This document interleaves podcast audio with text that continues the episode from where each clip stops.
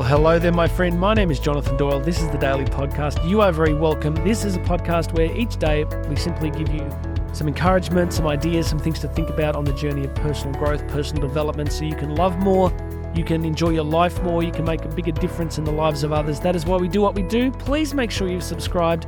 Hit that subscribe button. If you like what you hear today, I would love you to post it on your social feeds, share it with family and friends. Help me help more people. That is all I ask. And uh, you can find me on my website, jonathandoyle.co, jonathandoyle.co. I'm on Instagram at jdoylespeaks, one word, jdoylespeaks. And uh, come and say hi there. And on YouTube, you can find me at uh, the Daily Podcast with Jonathan Doyle. Friends, I'm going to talk to you about something important today that's going to be really helpful. It helps me. Many people who know me, including family members, uh, often laugh out loud if I utter the words, I am not competitive. People laugh out loud. People assume when they meet me that I'm a pretty driven kind of guy. I, I'm a sort of intense, tightly coiled bunch of energy and intensity. I'm I'm definitely no Bob Marley, Jack Johnson kind of you know chill cat. I've never been, never will be.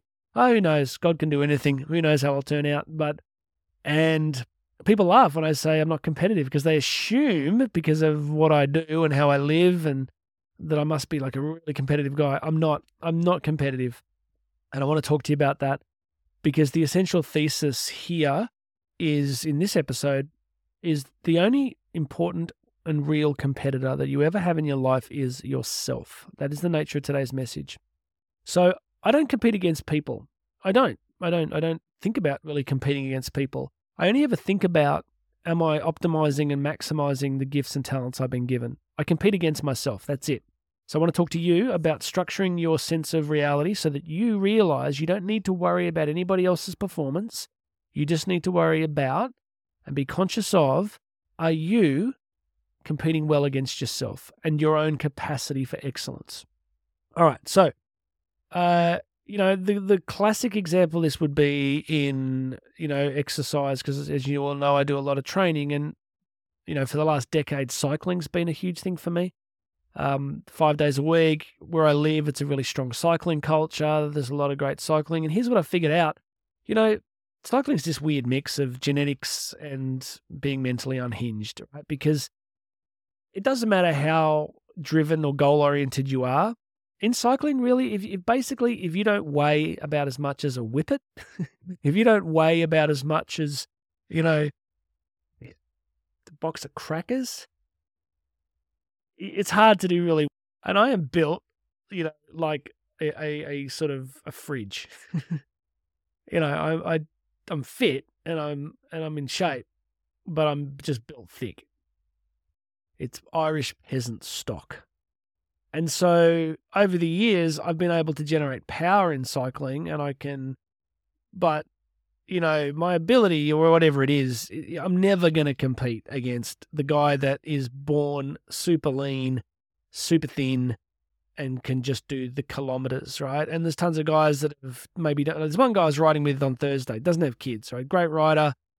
And I look at him on Strava and he's like, you know, out there on the weekends doing like a 180 kilometer ride. And I'm going, that's great. I could try that, but my marriage would be under significant pressure. Karen's great. She's a big supporter of what I do but I can't go and take three, four, five, six hours to do that, not with a young family.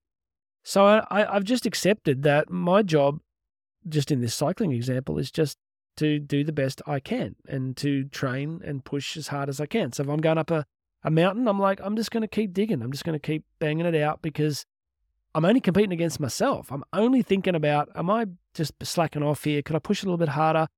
And there's this wonderful, glorious, daily, never ending battle against me. And that's the competitor. And that's what matters. And so I want you to begin to think about your own life and whatever you do, I would question directly competing with others. I mean, some of you could disagree and go, oh, no, no, no. I think even the great athletes, you know, I was listening to a, a long interview the other day with Kobe Bryant, who's um uh who's no longer with us. And he just talked about that. He, he talked about his training and he said he was just constantly trying to become, you know, he was trying to be better than others, but, but he was doing it through the lens of just maximizing his own exposure to training. He, he, he was kind of had one eye on the competition just to track, but he kind of was really all about making himself do the things that he really needed to do day in, day out, day in, day out.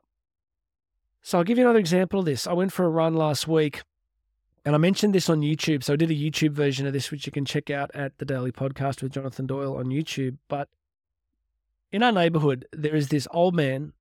For the last few years, we've noticed running, and he's old, right? Like 80s, late 70s, something like that. And even in midwinter here, it gets really cold, and he's out there like with a set of gloves, a wool hat, and a singlet in like minus five. And he shuffles, but we, we there's this really steep hill just you know near our front driveway, and you see him shuffling up this hill, and he's not moving fast. And I've always been amazed, and my kids are like, "Oh, there he is, Dad!" And the kids have grown up seeing him. And so the other day, I've never met him, but the other day I was out on a run and I saw him off in the distance. Oh, that's him.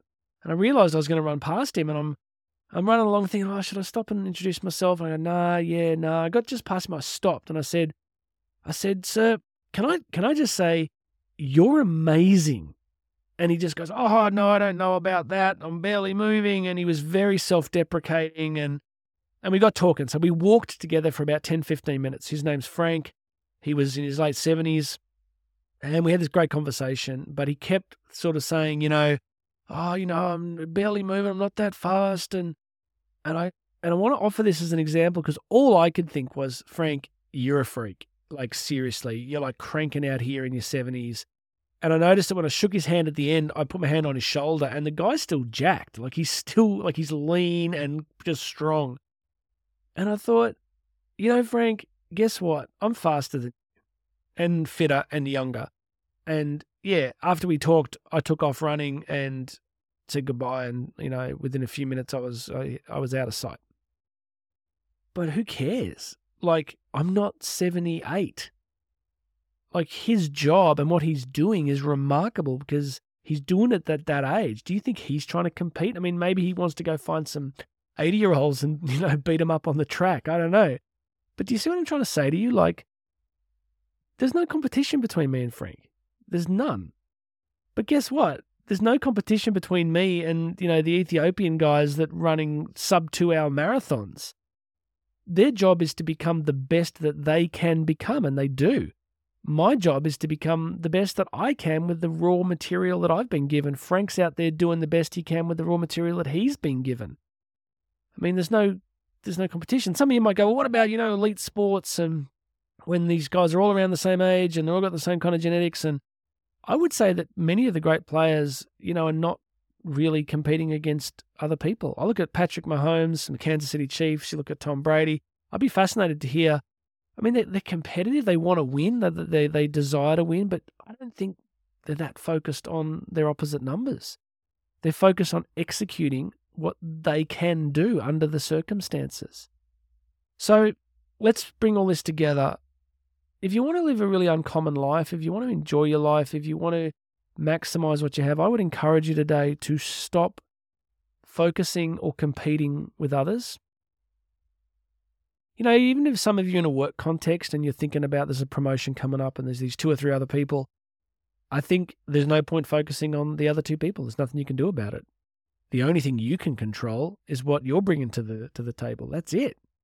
You can all you can control is your output. All all you can control. I mean, you could say, well, you can go and you know, you want to beat these people, so you go and ingratiate yourself to your boss. Meh, I don't know. Do you want to live that way? Really? Why don't you just do awesome stuff and be really good at your job, and sooner or later, you'll you'll get there. Now, often when I was teaching and coaching years ago in sport, there was always a sense from some parents that politics were in play, not from teams that I was coaching, but at, at the representative level, as we'd go from higher up the levels into you know state and national representation there was always this fear that there was you know politics involved and yeah well look humans are a political species but i always felt that if you're good enough eventually you will be noticed like take soccer right like you might not get picked for a team because it's because the coach doesn't like you right maybe that happens once maybe it happens twice but sooner or later if you're scoring like goals every game like eventually the data's going to speak for itself because you've competed against yourself and become the best you can. And you get the point. Like, I just don't think the action is by obsessing about others. Many times in the podcast, I've shared this great quote from the uh, scholastic philosopher John Duns Scotus, who was writing in the 14th century. And he said, every human comparison is essentially diabolical. Every human comparison is essentially diabolical, which means every way that we compare ourselves to someone else is satanic. That's his words. Because he believes that God creates us as individuals, gives us these individual gifts and talents, and many of us spend our lives wanting to be someone else. You know, I spent a decade speaking to 40,000 young women a year in live seminars. And the biggest challenge for many of them was not feeling beautiful enough, not feeling attractive enough, not feeling, you know, that they had what was the cultural ideal and doing a lot of work around that space with them. And, you know, the fact is that they weren't created to be someone else, they're created to be themselves. And so I want to keep bringing us back that we've got to be who we are. We've got to compete against ourselves. We've got to compete against our own laziness, our own inertia, our own sense of defeat. So, you know, I got this ultra marathon coming up, right?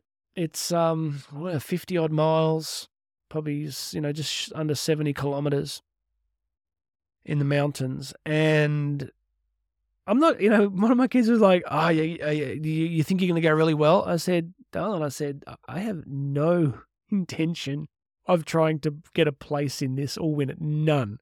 I don't have the genetics for it. I don't have the training time for it, but I can run long and I can manage pain really well.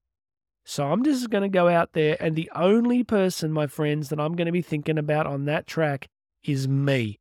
I don't care if grandmas with crutches pass me. I don't care. I honestly don't. I have no ego in this, no dog in the fight. I'm just like, I'm going to finish. And I am going to do something that my father could never do and my grandfather could never do. And I am going to make the best of the limited material that I've been given and do something epic. the competitor is me, me against me.